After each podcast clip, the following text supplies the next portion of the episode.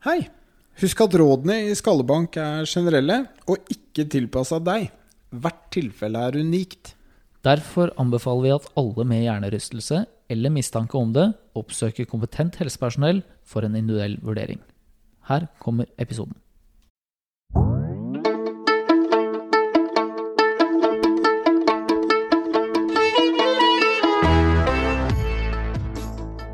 Hei, og velkommen til eh, Skallebank. Podkasten om hjernerystelse. Eh, Jeg heter Narve Bjørneseth. Og jeg heter eh, Lars Martin Fischer. I dag så skal vi snakke om syn. Og det er jo noe mange med hjernerystelse sliter med. Så forskningen forteller oss at ca. halvparten, og kanskje flere, har utfordringer med synsutfall etter hjernerystelse. Eh, Og så er det jo sånn at eh, verken du eller jeg, Narve, er synseksperter eller optikere eller optometrister, Eh, men dette er jo pasienter vi ser ofte, og så det er en naturlig del at vi tar tak i disse tingene også på et grunnleggende nivå. Ja. Det, det, som, som vi egentlig har sagt før, da. Hvis du kommer inn med en hjernerystelse, så alt hjernen kan gjøre, da må du sjekke alt omtrent. Så dette må vi også sjekke. Og, og synet som funksjon er jo en, om ikke den første sansen vi mennesker blir kjent med. Du har, du har et litt annerledes syn når du kommer ut av mors mage, men det er eh, Synet har nerver som går veldig rett inn i hjernen. Det er ganske kort vei inn til hjernen. Så dette er jo en sans som eh, fra naturens side er høyt, høyt prioritert. Den er veldig veldig viktig for oss. Og det gjør jo kanskje også at, at det kan forklare muligens at det er noe av grunnen til at vi får en påvirkning hos såpass mange som vi ser forskningsmessig. Ja, og så er det kanskje viktig at vi presiserer at uh, ved en hjernerystelse så, så, forutsetter vi at her er det ikke noe skade på selve øyet i seg selv, uh, men at det er hjernen som har skaden, og som på en måte sliter med å tolke signalene som øynene gir. Selvfølgelig kan det være mulig å skade øynene også, men det er ikke det vi snakker om i dag, i hvert fall. Nei. Vi har jo snakket om i tidligere episoder om, om balanse og svimmelhet at øre- og balanseorganet mest sannsynlig har det helt fint etter en hjernerystelse med unntak av krystallsyke, som oppstår litt oftere de første ukene. Men at det er hjernens tolkning av hva som skjer, som blir rar. Og, og det er mest sannsynlig en av årsakene til at, at synsutfall blir en greie etter hjernerystelse også. Vi mister formelboka på synet òg. Så er jo synet en viktig del for å skape balanse òg. Så selv om vi kanskje ikke opplever synet som et problem, så kan man ha problemer med enkelte elementer av synet um, uten å være klar over det.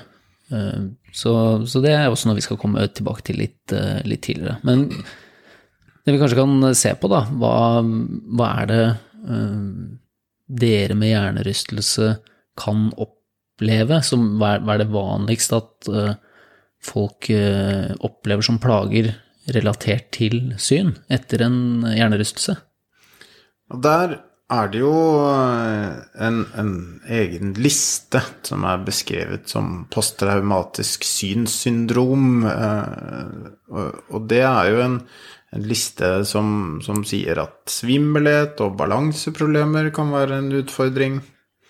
Ja, og så er det en del som opplever å være mer sensitiv til bevegelse rundt seg. Altså sånn hvis ting beveger seg i ditt synsfelt, at det kan være en trigger. Og en som er veldig vanlig, er jo det å være lysømfintlig. Tåle sterkt lys eller skjermer dårlig. Og det er det jo faktisk forskning som viser at det kan henge i lenge. Ja. Den forskningen som ble publisert for kort tid siden, hadde jo sett dette åtte år etterpå. Ja. Så, ja. Og da var på en måte alt annet av symptomer borte, men dette er noe som man kan henge litt igjen, eh, selv når alt annet er på en måte avklart. Ja, du kan ha uh, uklart syn, eller tåkesyn, både med og, og, uten bevegelse av hodet. Du kan ha dobbeltsyn. Ja, man sliter slite med uh, synsfeltet, eller altså slite med at det blir uklart i perifere, perif, periferien. Um, sidesynet. Sidesynet, ja. Unnskyld. Mm. Um, og det er ikke uvanlig med hodepine relatert til øynene, liksom den uh, pannehodepinen eller uh, Brillehodepinen. Ja. ja. Um, det å, å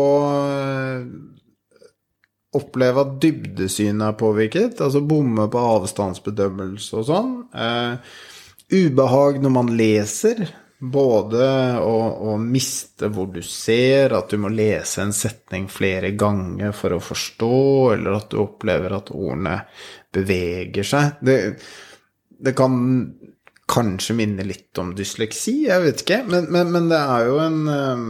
det, det, jeg opplever i hvert fall, er at mange får f.eks. en hodepine da, av, når de leser. Mm. uh, og så tenker man at det, det ja, det er en hodepine pga. at jeg har slått hodet, men det er kanskje fordi man må anstrenge seg for å hente den informasjonen fra øynene.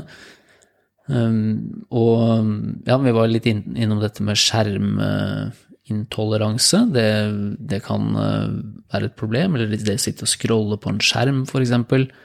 Uh, og noen kan slite med røde øyne, eller at uh, øynene renner, f.eks. Ja. Og så er det jo det å være i miljøer som er, eh, er kompliserte å se på, hvis det er mye mønstre på tapeter, eller kjøpesenter, eller steder med mosaikk på gulver og lignende, det kan være en stor utfordring for mange.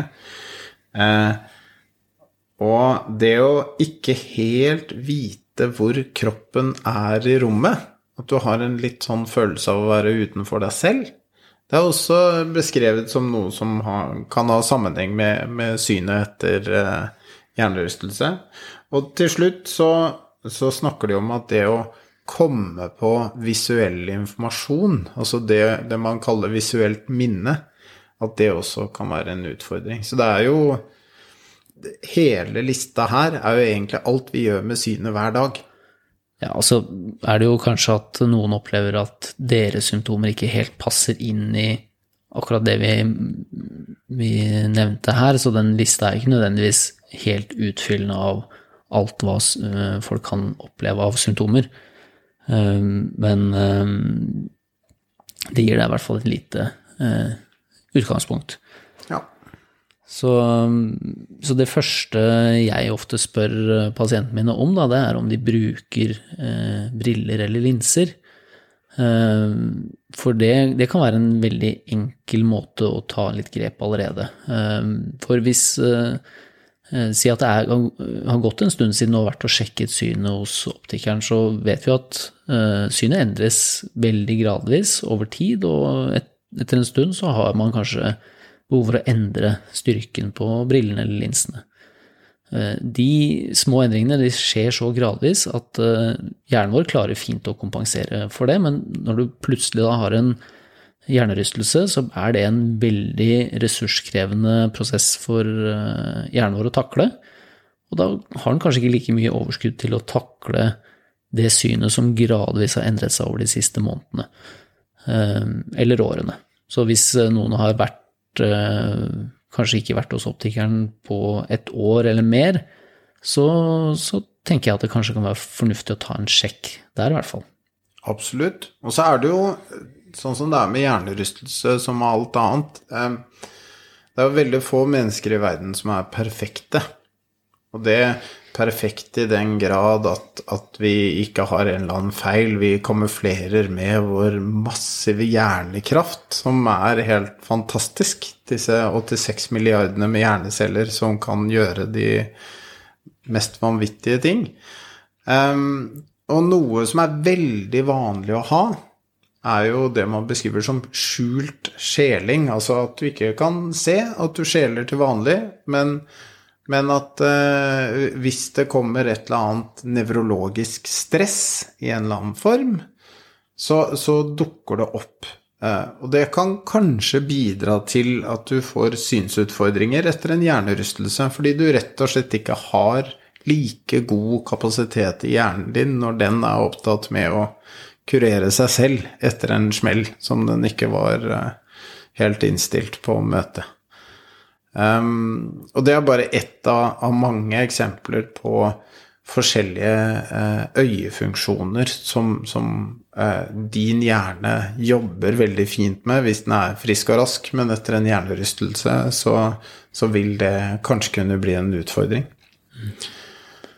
Um, og da har jo vi Det er heldigvis gjort sånn at selv for oss uh, ikke-øyeeksperter, så har vi noen verktøy som gjør at vi kan sjekke hva som uh, foregår uh, i, i, kombinasjonen mellom øye, nakke og balanseorgan. Og et testbatteri som vi bruker en del, er det vi kaller VOMS, som står for Vestibular Ocular Motor Screening Test. Ja, og der, der ser vi på ulike eh, funksjoner av syn, men også kombinasjon med, med balanseorganet, som du sier. Som, så ser vi hvorvidt det trigger symptomer hos, eh, hos, dere med hjernerystelse.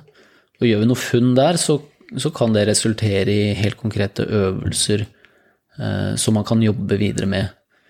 Eh, men det her kommer jo gjerne litt uh, ut i forløpet hos oss, i hvert fall, Narve. For det, det som er uh, greit å få med seg, er at uh, å jobbe med sånne spesifikke ting kan være nyttig, absolutt. Men det er viktig å ha liksom, de, de, grunnleggende funksjonene i bånn. For det vil også påvirke synet vårt, og da snakker vi om det å prioritere god søvn og god ernæring og ikke minst da fysisk aktivitet, som også vil påvirke synet vårt, blant andre funksjoner. Ja. Det er veldig vanskelig å, å, bygge et hus hvis du ikke har en kjeller, pleier jeg å si. Eh, og, og, de tre tingene du nevner der, er jo kjelleren i sunn og god helse. Begynner vi nå å få så mye bevis på at fysisk aktivitet og god søvn og, og, nok næring er eh, de helt elementære byggesteinene i et godt liv. Så eh, hvorfor skulle det ikke være det etter en hjernerystelse? For en hjernerystelse er jo en systemfeil. Mm. Vi må tenke på hele deg. Vi kan ikke bare tenke på enkeltdelene. Når, når, vi har det på plass, da, så er det jo Gjør vi da en voms, og så trigger vi et eller annet symptom hvis eh, pasienten vår gjør en følgebevegelse eller eh, roterer på hodet mens eh, man fokuserer på et punkt og blir veldig svimmel av det, ja, men da, da, vet vi at det er faktisk noe som man kan trene på. Ehm, så, så det går jo an å sjekke ut VOMS. Det er en, en, et testbatteri med veldig korte eh, tester som eh, ikke er noe farlig.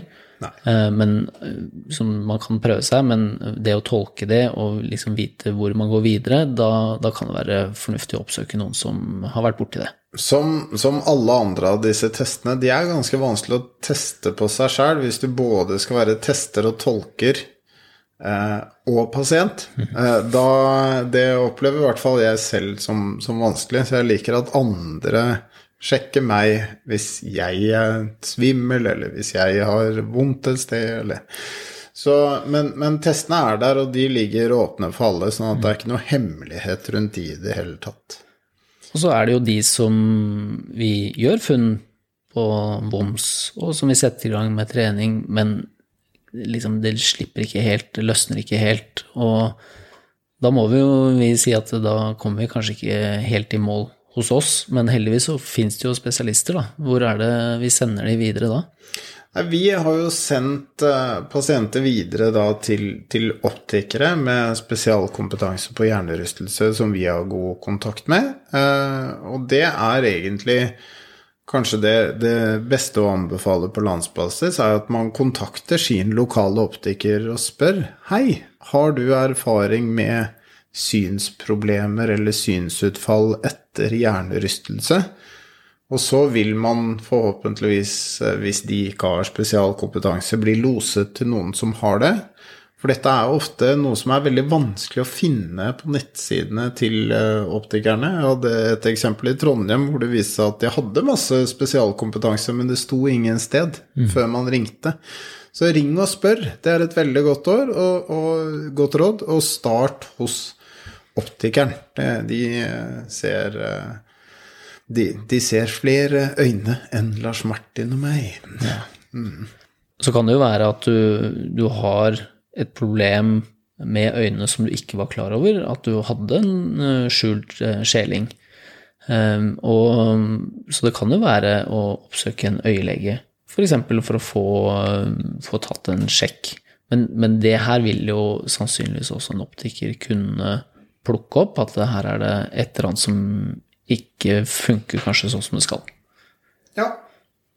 Da tenker jeg at uh, en kort og grei episode om synet er uh, på tide å avslutte. Dette er et felt som er det, det, er ganske omfattende. Og de aller, aller fleste som opplever å ha utfordringer med synet, syns det er veldig ubehagelig i, mm. i, hverdagen. At det er noe som tar mye tid og, og opptar de. Så vi har fått flere eh, spørsmål om vi kunne lage en sånn episode. Vi håper at dette har rydda litt i den skuffen og kanskje gitt litt pekepinn på hvor det er mulig å gå. Og som alltid, takk for at dere hører på. Uten dere hadde vi ikke eksistert. Og Till next time. Ha det bra.